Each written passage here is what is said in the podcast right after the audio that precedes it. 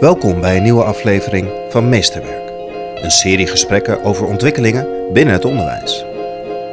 Maar die spelen zo'n grote rol bij die jongens, omdat het inderdaad een subcultuur is met hele verschillende normen en waarden. Het gaat er niet om hoe je bent of hoe jouw innerlijk is. Het gaat erom wat je hebt en wat je eventueel zou kunnen doen.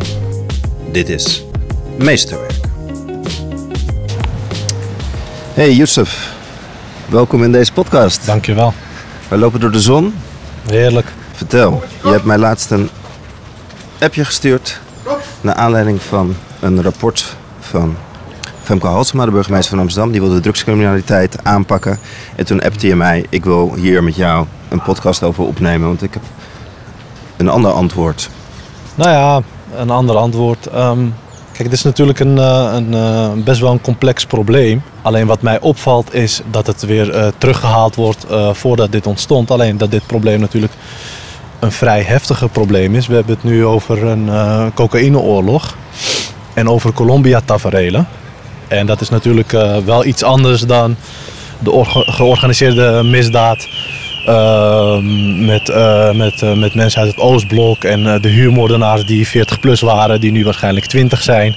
Ja. Eh, ja, dat is gewoon een heel andere wereld. En ik als rol vanuit het onderwijs, ja, ik, ik mis eigenlijk dat stuk van hoe de erkenning, of het erkennen van waar het eigenlijk eerder mis is gegaan. Ik bedoel, op het moment dat je leest dat achtjarige jongetjes op de uitkijk staan, dan is mijn eerste vraag van, hoe kan dat nou eigenlijk? En wa- wa- wa- wat is de rol van een school hierin geweest? ja. en Wat ik- vertel even jouw, jouw achtergrond. Je bent, eh, Ik ben docent op een VO-school in Amsterdam.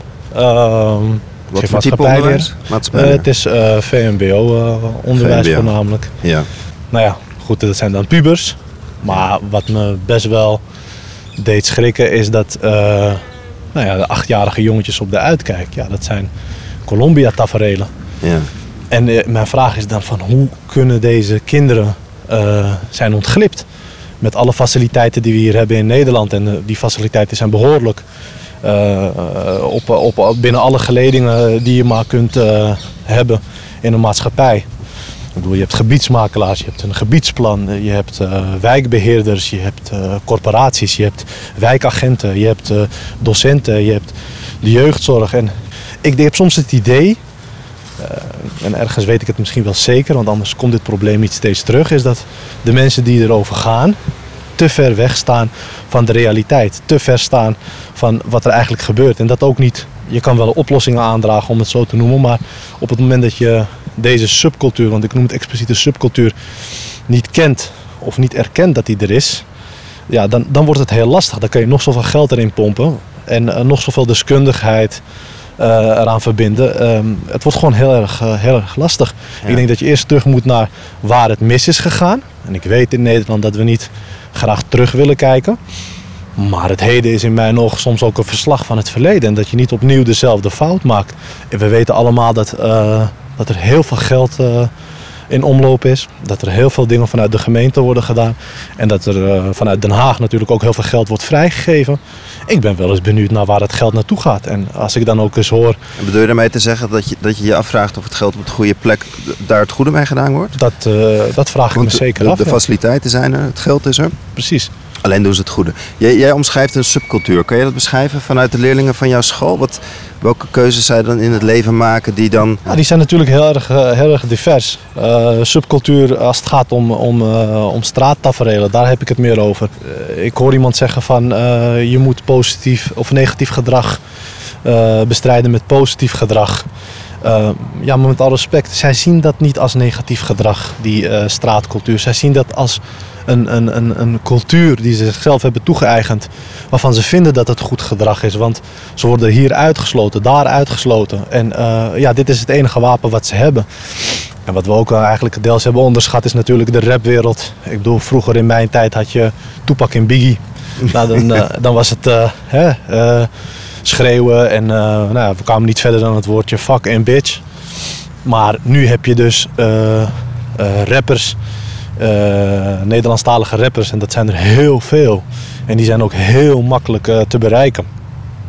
Ja, en die staan uh, volgens deze jongeren uit die subcultuur staan ze heel dicht bij datgene wat ze meemaken. Gebroken gezinnen, problemen op school, problemen op straat, niet aangenomen worden. we hebben zelfs rappers in Nederland nu die aanmoedigen om je ziek te melden.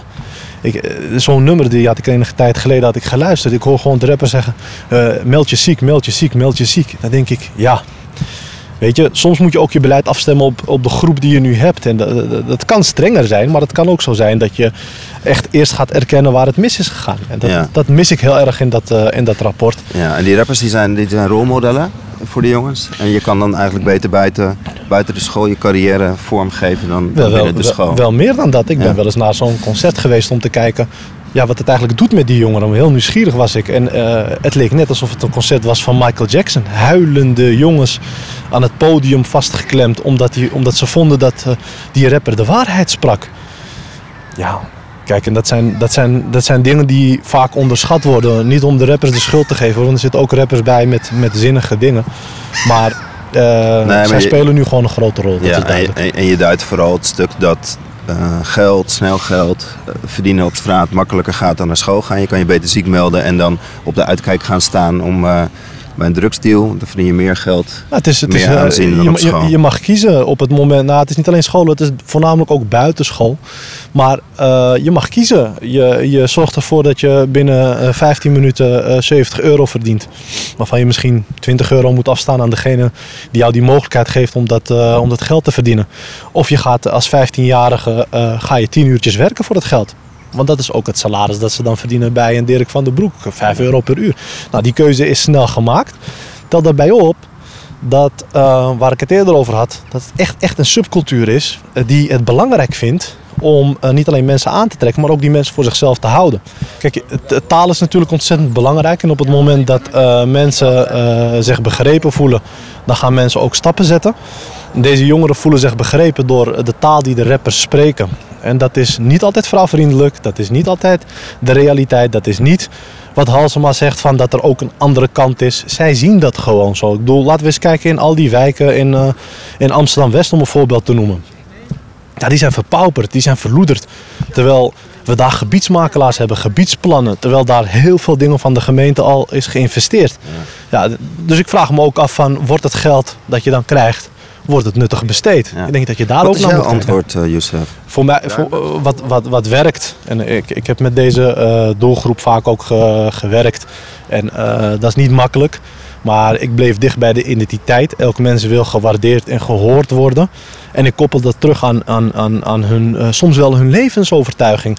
Weet je, wat zegt jouw geloof hierover? Of uh, wat zou jij hier in, in, in deze en in die situaties uh, het beste kunnen doen? Maar ook structuur bieden, dat is heel belangrijk. En, en wat denk ik misschien belangrijk is, is dat heel veel van die scholen in Amsterdam vooral uh, meer toezicht moeten krijgen. Van wat wordt er nou eigenlijk gedaan met die leerlingen? Hoe strookt dat met de visie van een school? Uh, wie wordt erbij betrokken? En niet alleen dat het op papier heel mooi staat, maar ondertussen rommelt het aan alle kanten. En dat heel belangrijk is. Ik denk dat we misschien terug moeten naar meer toezichthouders van de gemeente op, vanuit de gemeente naar, naar de scholen toe. Ik denk dat dat een eerste stap zou kunnen zijn. Ja, maar daarmee zeg je dus eigenlijk dat je het gedrag moet gaan begrenzen. Dat je het het, het moet gaan aanpakken. Maar wat ik me ook wel afvraag is hoe, je, hoe verander je het gedrag van, uh, van, van die subculturen? Want die gasten hebben allemaal gewoon een moreel kompas waarschijnlijk. Die, die wijst net iets anders dan de jouwe. Klopt. Uh, snel geld, maakt niet zoveel uit hoe je het dan verdient als je maar uh, de bling-bling krijgt, zeg maar. Hoe kan je dat kompas bij die gasten veranderen? Hoe ja, doe je dat, dat, op jouw is, school? Dat, dat, is, dat is heel moeilijk. wat ik je zeg, ik blijf vaak dicht bij de identiteit en ik confronteer ze vanuit, uh, vanuit hun levensovertuiging die ze dan hebben. Nou, dan heb je ook vaak wel een ander gesprek. Alleen uh, de groepsdruk, dat is ook vaak erg onderschat. Ja, daar heb ik tot nu toe geen antwoord op. Dat heeft meer te maken met wat er in die wijken plaatsvindt. Uh, hoe je bijvoorbeeld uit een gebroken gezin komt. wat voor jou belangrijk is. Dat daarbij op nou, dat blijkt dus dat er heel veel jongens tussen zitten met een, uh, met een beperking, met alle respect. Ja, dat, dat, is, dat is niet 1, 2, 3 op te lossen. Dat je uh, op beleidsniveau moeten gaan acteren en kijken hoe je dat dan weer kunt tackelen. Dus eigenlijk zou je zo'n subcultuur in subgroepen moeten gaan verdelen en kijken van welke aanpak past nou bij welke groep het beste. Lage IQ is vooral het stuk dat ze makkelijk beïnvloedbaar zijn en meegenomen kunnen worden. Ze, ze Ja, precies. precies. Die, die Ja. zijn natuurlijk de. En, en daar weten de ronselaars, die weten dat, die herkennen dat. En wat ik je zeg, elk mens heeft waardering en aandacht nodig. Nou, kennelijk krijgen ze die meer van die mensen die hun ronselen dan van, eh, van docenten zelf. Of, eh, hè? Want als docent heb je natuurlijk ook niet 24 uur die mensen, die kinderen bij je. Maar kennelijk eh, krijgen ze dat zelfs meer dan dat ze dat krijgen van hun ouders. Dus daar is, daar is ook heel veel eh, winst te behalen met het thuisfront. Nou, ik moet even terugdenken. Ik heb in, waar je het over hebt, in Amsterdam-West heb ik op de RSC gewerkt bij Praktijkschool Plus. Dus het, waren die, het was juist die doelgroep. En ehm, wat je daar zag gebeuren waren jongens en meisjes. Die werden inderdaad dan gelokt. En die kregen dit en die kregen dat. En dan vervolgens moesten ze even iets terug doen. En dat was dan vaak eh, in de vorm van bolletjes. En eh, er moest eh, iets opgehaald worden en weggebracht worden. Om terug te betalen wat ze dan zogenaamd gekregen hadden. Maar ik vond het ontzettend moeilijk om bij hun het goede gesprek te voeren. Van, eh, je kan wel vragen, van, heb je door wat, de- wat de keuze hierachter zit? Maar ze zijn helemaal gechanteerd. En ik heb geen antwoord op hoe haal je die gasten weer terug in, Nou, dat begint- in het perspectief. Hoe Dat begint eigenlijk al vanaf eh, jongs af aan. Eh, dat is heel belangrijk. Vandaar ook dat ik terecht misschien de vraag stel: wat is er gebeurd op die scholen? Hoe kan het met zoveel faciliteiten dat een achtjarige jongetje bloot wordt gesteld aan, eh, eh, aan deze vorm van criminaliteit? Acht jaar, we hebben het hier over acht jaar. Dat, dan, dat kan niet, er moeten signalen zijn geweest eh, naar school toe, vanuit school toe, vanuit misschien de jeugdzorg. Ja, daar moet je naar gaan kijken. Je moet het echt gaan begrenzen, maar begrenzen binnen eh, groepjes van een groep. Ja. En, maar ben eh, jij niet het antwoord, Youssef? Of ik het antwoord ben. Ja. We Nou. hebben meer Youssefs nodig die die subculturen begrijpen. Eh, Ja, maar het is ook aan te leren om hoe je die kunt begrijpen. Ik bedoel, er zijn denk ik ook, het maakt niet uit waar je vandaan komt. Als je ervoor open staat, dan zou je inderdaad de handen in één kunnen slaan. Ik bedoel, wat ik al zei, het is een complex probleem, maar ik denk dat je krachten makkelijk kunt bundelen. Maar ik ben wel iemand die eerst kijkt van, nou oké, eh, dit is de toestand. Dit was de toestand ervoor. Wat is er gebeurd? Eh, waar is het misgegaan? Zodat je ook niet weer dezelfde fout gaat maken. En ik vind de term geld, natuurlijk heb je het geld nodig. Alleen ik wil weten waar het geld naartoe gaat. Ik hoor eergisteren dat er schoolleiders zijn die eh, potjes opsparen. Ja, dat, dat, dat kan helemaal niet. Dat zijn overheidsgelden die je krijgt waar de burger voor betaalt. En dan moet je gewoon wat mee gaan doen. Nou, dat zijn van die hele kleine dingetjes. En ik mis ergens gewoon eh, een, een, een, diepere toezicht, om het zo te noemen. Om te kunnen achterhalen of het geld goed gespendeerd wordt of niet. Maar of ik het antwoord ben, eh, ik doe mijn best voor zover ik dat kan doen. En ik denk dat alle mensen dat ook doen. Er zit niemand tussen die eh, dingen expres doet of ja, misschien wel, er zitten misschien ongetwijfeld wel mensen die eh, vanuit de gemeente allemaal projecten aanbieden om geld te verdienen. Ja, oké, maar wat het oplevert, dat is een tweede. Maar ik denk niet dat, dat, dat, dat, dit, dat dit alleen opgelost kan worden door ehm, één iemand of een, of een kloon van een, eh, van een Yusuf. Nee, dat denk ik niet. Nee. wellicht wel. eh, De expertise, die, expertise sowieso. Want hoe ben jij in het onderwijs terechtgekomen? Nou, ik ben zelf op het HLW een, een boef geweest. Een boef qua, qua kattenkwaad, maar niet, eh, niet qua criminaliteit. Ik heb eh, best wel hele strenge ouders.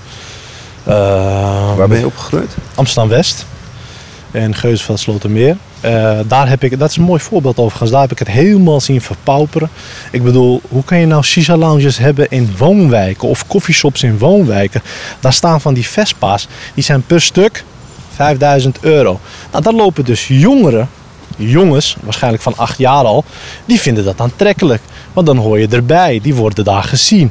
Ja, Weet je, dat zijn allemaal van die hele kleine dingetjes, maar die spelen zo'n grote rol bij die jongens, omdat het inderdaad een subcultuur is met hele verschillende normen en waarden. Het gaat er niet om hoe je bent of hoe jouw innerlijk is. Het gaat erom wat je hebt en wat je eventueel zou kunnen doen. En hoe heb jij in je jeugd dan de goede keuze gemaakt? Want jij hebt waarschijnlijk ook naar die Vespa staan kijken. Je hebt ook naar die Shisha Lounges staan Ja, kijken. En ja, gedacht ja. van, hé. Hey, en hoe heb jij je... Nou ja, Nou ja, keuzes ik, eh, die Vespa's die hadden ze toen nog niet. Maar ze hadden natuurlijk, natuurlijk van die Gilera's en van die, eh, van die, eh, van die Aprilia scooters. En dan moest je ook nog zo'n helm op die ze normaal in een oorlogsvliegtuig dragen. maar ja, wat ik je zeg, heel veel structuur. Ja, ik had echt wel docenten die waren continu bezig met begrenzen. En dat was ook duidelijk op school. Dit mag niet, dat mag niet. Als je kijkt naar het verzuim bij deze jongens. Nou, in mijn tijd dan verzuimde je wel eens één keer of twee keer per jaar. Dan ging je spijbelen of als je een date had, iets in die richting. Daar deed je het dus voor. Maar als je het verzuim erbij pakt van eh, jongeren in Amsterdam. Nou, dat is schrikbarend. Dat is echt. eh, Je kan het de leerplicht kan je het gewoon vragen. Dat is echt schrikbarend. Waar zijn die kinderen? Wat doen ze dan behalve uitslapen het eerste en tweede uur? Hoe kan dat? Nou, dat is, daar hoor je dus beleid op af te stemmen. Die is er wel. Maar misschien moet je het, eh, het beleid gaan herzien en daar kijken naar wat een andere oplossing voor is. Dus wij waren overal waren wij begrensd. En dat is wel iets wat ik ergens mis nu in Amsterdam. Het, het kan allemaal en het hoort er allemaal bij. En het is misschien politiek gerelateerd, ik weet het niet. Het, het zou gewoon eh, begrensd moeten worden. En dat, dat is wel iets dat we hadden. En vaak denken mensen bij begrenzing aan straffen. Maar het is niet straffen. Je leert gewoon structuur wat je hoort te leren op zo'n leeftijd. Want zo'n jongetje van acht jaar, ik wil, gewoon, ik wil zo'n jongen eigenlijk best wel ontmoeten van acht jaar. Hoe doet hij in de klas? Is hij dan een voorbeeld en dan buitenom heeft hij al door wat hij moet doen? Of hoe doe je dat? Want dat, we hebben wel achtjarige jongetjes. Ik vind dat wel heel ernstig. Nou ja, naast eh, het thuisfront, wat me vooral ook heeft geholpen, is dat ik de andere wereld leerde kennen. Dus vooral elkaar leren kennen. En een mooi voorbeeld is een, eh, een hele goede vriend van mij, een beste vriend. Jaap, en die kwam uit Amsterdam-Zuid. ja, dat, en eh, we hadden één ding gemeen, dat was sport, voetbal vooral.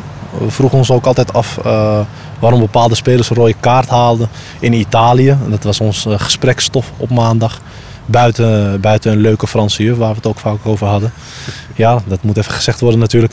Ehm, ja, dat was gewoon voor, voor mij een hele andere wereld. En, en eh, er, staat, er staat wel ook iets grappigs bij waarvan ik dacht van oké, eh, waarom is dat zo? Ik ben gewend om patat te eten met eh, Zaanse mayonaise. Dus er werd patat voorgeschoteld en ik vroeg waar de mayonaise was. Waarop zijn moeder zei, we hebben alleen appelmoes. Dus dat was voor mij een, een hele nieuwe wereld en voor hem net zo. En eh, ja, ik denk dat dat ook heel belangrijk is. Ga vooral elkaar leren kennen. En eh, leerlingen die andere leerlingen leren kennen. Er zijn best wel leuke projecten van. Dat hebben we ook gedaan binnen mijn school. En dat, eh, dat, dat is denk ik ook wel een goeie. Vooral elkaar opnieuw Ben je nog leren een kennen. vriend met jou? Ja, Ja? het is nu, wat is het? 22 jaar verder nog steeds hele goede vrienden. Ja. En hebben jullie elkaars wereld daardoor beter kunnen begrijpen en ontdekken? Ja, zeker. Zeker, zeker. En ook elkaar daarin eh, gewaardeerd en gesteund. En eh, ik denk dat, ook, dat, dat, dat dat vooral ook natuurlijk heel belangrijk is voor deze jongeren. Leer andere jongens kennen, leer andere meisjes kennen. En eh, kijk even waar je je vooral niet alleen goed bij voelt, maar wat jou ook vooral verder kan helpen. Zeker. Ja. Je bent naar een leraaropleiding gegaan? Klopt. Klopt, tweede graads leraaropleiding. Ja, Ja. Ben jij hierin opgeleid, Youssef? Heb jij dit, heb jij dit Oh, ja. Geleerd? Nee, ik Is denk- dit te leren? Kan dit? Nee, nee, ik denk wel dat er. Ik weet het niet of dat nu al gedaan wordt, maar wij kregen vooral eh, lessen eh, over Plato en het denken en egocentrisch. eh, dat, soort, eh, dat soort dingen kregen vooral mee, dus vrij algemeen. Wat vrij logisch is. Maar ik denk wel dat daar ook een inhaalslag te behalen is als het gaat om mensen die bijvoorbeeld niet voorbereid zijn op deze populatie kinderen. En ik denk dat dat een hele, hele belangrijke is. Niets voor niets verlaten die docenten eh, Amsterdam. Dat, las ik vorige week. Heel veel docenten verlaten Amsterdam. Dat heeft niet alleen te maken met de werkdruk of de onderwaardering überhaupt in het onderwijs. Maar dat heeft ook te maken denk ik met het antwoord kunnen bieden op eh, deze populatie jongeren. Dus er is, er is zeker vanuit de opleiding, ik weet niet of het al gedaan wordt, ik hoop het wel. Maar er is zeker een inhaalslag. Wij leren niet op de hogeschool ons voor te bereiden op eh, dit soort populatie eh, jongeren. Absoluut niet. Hoe zouden we dat wel kunnen doen, Youssef? Ja, kijk, als het gaat om achtjarigen, dat is basisonderwijs. Dus dan heb je het echt over eh, kind in opvoeden. Ik denk dat daar beleid op moet zijn van hoe reageren we daarop. Ik denk dat je vooral moet gaan, eh, gaan samenwerken met elkaar. Maar vooral ook, en dat is het allerbelangrijkste vind ik zelf, is dat je moet gaan monitoren waar het eerder mis is gegaan en eh, hoe, je dat kunt, eh, hoe je dat het beste kunt voorkomen. Dus vooral leren van ervaringen. Ja. Het Calvijn College is zo'n school, hè? Die, die, die stond er heel slecht voor. Ja. En die hebben het omgegooid. Mhm. Maar een van de dingen, ik weet niet, ben je daarvan op de hoogte? Er is een heel leuk boek De- over de- geschreven. ja, deels. deels. Ja, een van, een van de veranderingen die, die, die die directeur toen gedaan heeft, is het hele lerarenteam vervangen door echt hele andere type mensen. Klopt. Hij heeft, eh, of zij heeft, Zij, ik weet niet wie ja. het zei. Ze had toen op een gegeven moment heel slim eh, de Wall of Fame heeft ze in haar school. Dus eh, ex-leerlingen die het dan in het leven hebben gemaakt, die kregen dan een, een klein podiumpje, podium. Ja, dat werkt van hey, zo kan het ook inderdaad en zo moet het ook. En wat zij volgens mij toen destijds heeft gedaan is alle gemeentelijke... ehm, alle gemeentelijke zaken zeg maar, die je normaal op de gemeente oplost, die, eh, die, die kon je dan binnen de school Ja, oplossen. die heeft ze waardoor de dus- school ingegaan. Precies. Is dat een dus- goed antwoord? Want is die school Nou, je ook voor deze, deze, deze doelgroep een, community waarin het verschil gemaakt kan worden? Ja, je betrekt, eh, je betrekt zeg maar ouders, het thuisfront. En dat is, dat is vooral iets wat ik altijd heb gedaan en altijd zal doen. Thuisfront is heel belangrijk. Opvoeden doe je samen. Maar wat wel ernstig is, en daar heb ik nog geen antwoord op. En ik ben zelf nog een, een, een eh, af en toe luister ik nog wel eens naar uh, Toepak. Dus ik ben nog fan. En hij zei iets moois. Of hij heeft iets moois gezegd. Hij zei, eh and now they got coke. The only thing I know is difficult to let it go.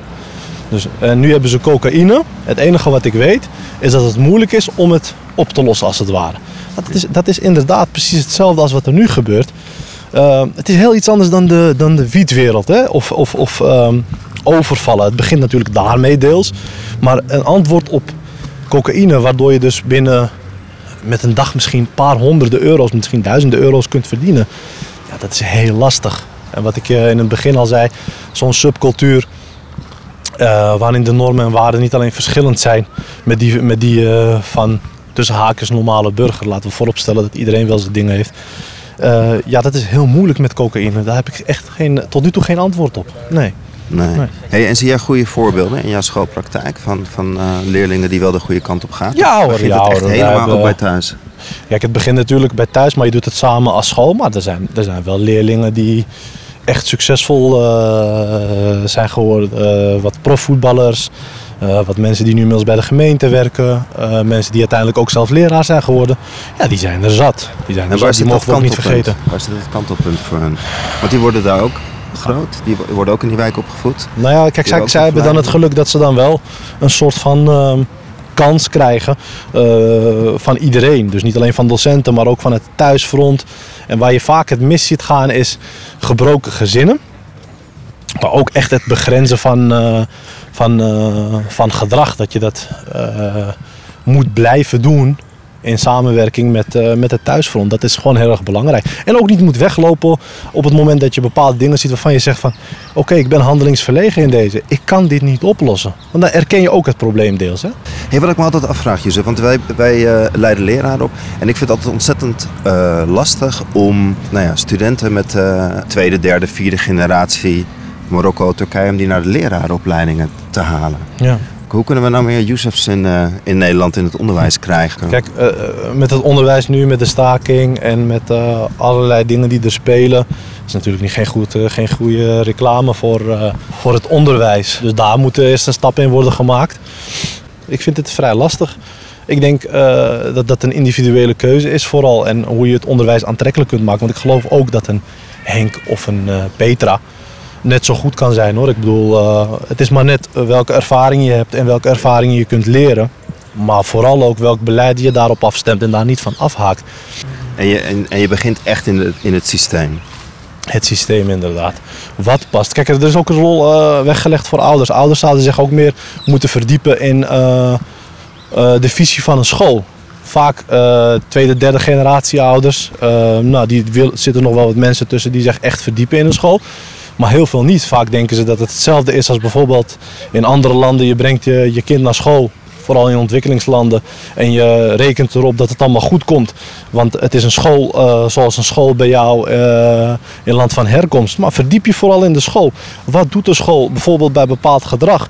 Welke visie en wat voor onderwijs wordt er nou eigenlijk aangeboden? En wat ook vooral helpt, en dat doe ik altijd, is eh, wat ik je net zei, opvoeden doe je samen.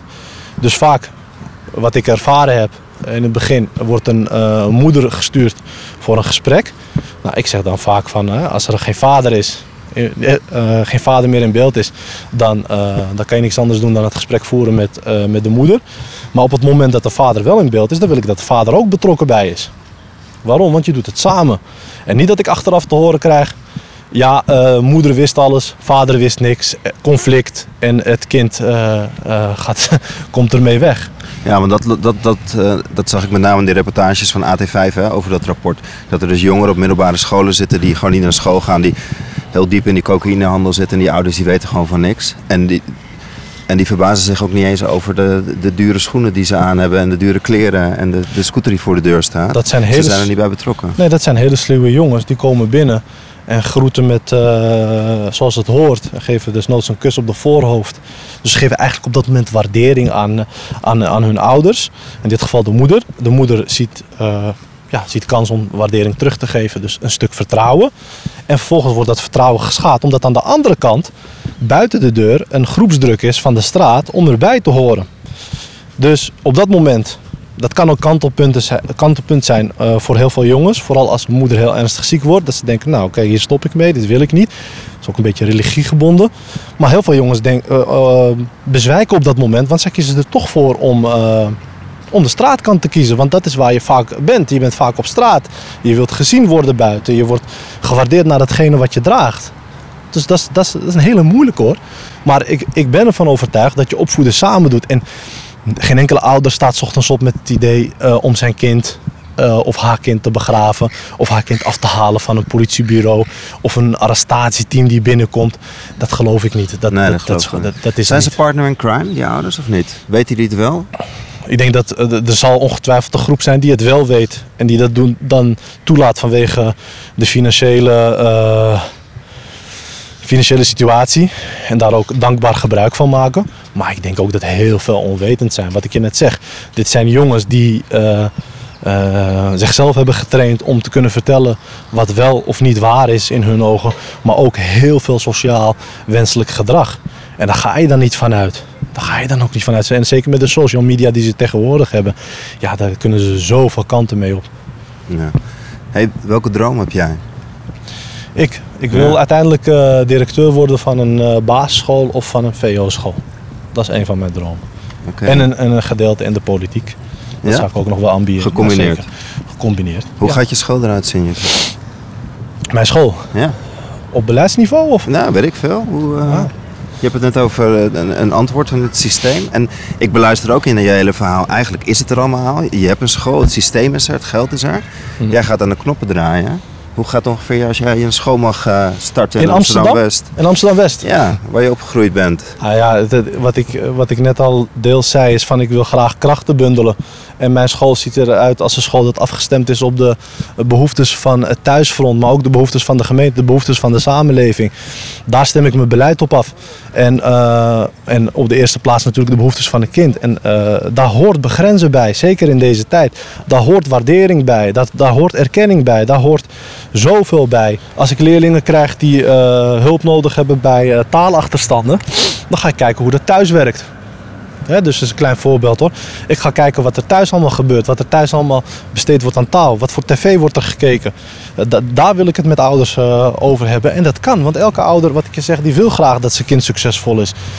Kijk naar de straat. Op het moment dat, dat daar uh, kinderen aan blootgesteld worden. Dat is maar net waar die wijk waar ze vandaan komen. Dan moet ik met de gemeente gaan werken. Daar stem ik ook mijn beleid op af. Kijk naar jeugdzorg. Nou, dan, dan wil ik uh, mensen hebben met onderwijsaffiniteit. Ik heb, ik heb uh, ongetwijfeld heel veel aan orthopedagogen, psychologen en uh, iedereen met deskundigheidservaring heb ik heel veel aan. Maar wat ik mis is onderwijsaffiniteit. Wat gebeurt er op een school? Nou, wat voor mij het allerbelangrijkste is om de werkdruk weg te halen, is dat ik vooral monitor wat we vooral doen, bijvoorbeeld aan administratieve werk, aan vergaderingen. En dat is heel mooi op papier afgestemd hoor. Maar je merkt wel dat heel veel docenten in de grote stad, juist omdat die problematiek zo divers is en complex, dat ze daarin uh, bijna omkomen. Want ja, ze hebben daar geen antwoord op. En da daar wil ik vooral mijn aandacht uh, aan besteden. Dus op detailniveau. En het moet een school zijn uh, waar ze niet alleen leren, maar waar ze ook opgevoed worden. Zeker in een grote stad. Ja, mooi. Mooie droom. En de politiek. En de politiek. Ja. Daar ben ik nog niet helemaal over uit. Nee. Maar, Voor een partij? Of nou we... ja, kijk, ik vind de partij van de ouderen, omdat ik ouderen heel erg dankbaar ben voor waar ik nu sta, vind ik wel een interessante partij. Ja? Ja, vind ik wel een interessante partij. Maar ik merk wel dat de oude garde nu een soort van weggezet wordt als... Uh, ja, jullie zijn te oud en het moet allemaal opnieuw en het moet allemaal vernieuwend zijn. En dat merk je ook in het onderwijs. Dat, dat, dat er weinig wordt geluisterd naar, uh, naar ouderen, terwijl juist die de ervaring hebben. En uh, we moeten hun dankbaar zijn voor het feit dat we ja, nou ja, nog, nog de verzorgingsstaat hebben, maar ook kunnen genieten van allerlei dingen in de maatschappij. Daar moeten wij hun voor dankbaar zijn, want zouden er ook een zootje voor kunnen maken. Weet je, ja. Heb je zelf kinderen? Nee. Nee. nee, nee. tuurlijk. Kinderen, nou ja, eigenlijk heb ik wel kinderen, want dat zijn mijn leerlingen. eh, die ik eh, dagelijks zo goed eh, mogelijk probeer te bedienen van goed onderwijs. Dat, de- die zie ik wel deels als mijn kinderen, ja zeker. Ja, daar voel je mee verbonden. Ja, zeker, zeker, zeker. Ik heb ook heel leuk contact mee. En ja, je leert, eh, je leert met de dag. En dat maakt ook voor mij het onderwijs eh, ontzettend leuk. Want eh, de ene leerling is de andere niet. En hè, er gebeuren ook dingen in de samenleving. En zeker met mijn vak kan je best wel verschillende kanten op. Ja, dat, dat vind ik gewoon heel leuk om te doen. Ja. We raken Yusuf niet kwijt in het onderwijs in ieder geval. Nee, in het onderwijs zeker niet. Nee. Nee, Nou, dan wil ik je danken voor je openhartige gesprek. Yusuf. Alsjeblieft. Jij Ja. ook bedankt. Dit gesprek met Yusuf Amarou is er eentje uit de serie Meesterwerk. Meer afleveringen zijn te beluisteren via Spotify, iTunes, Soundcloud of kijk op janjapubeke.nl. Je kunt deze aflevering een duimpje of een aantal sterretjes meegeven, zodat meer mensen deze podcast makkelijker kunnen vinden. Hoe dan ook, tot de volgende aflevering van Meesterwerk.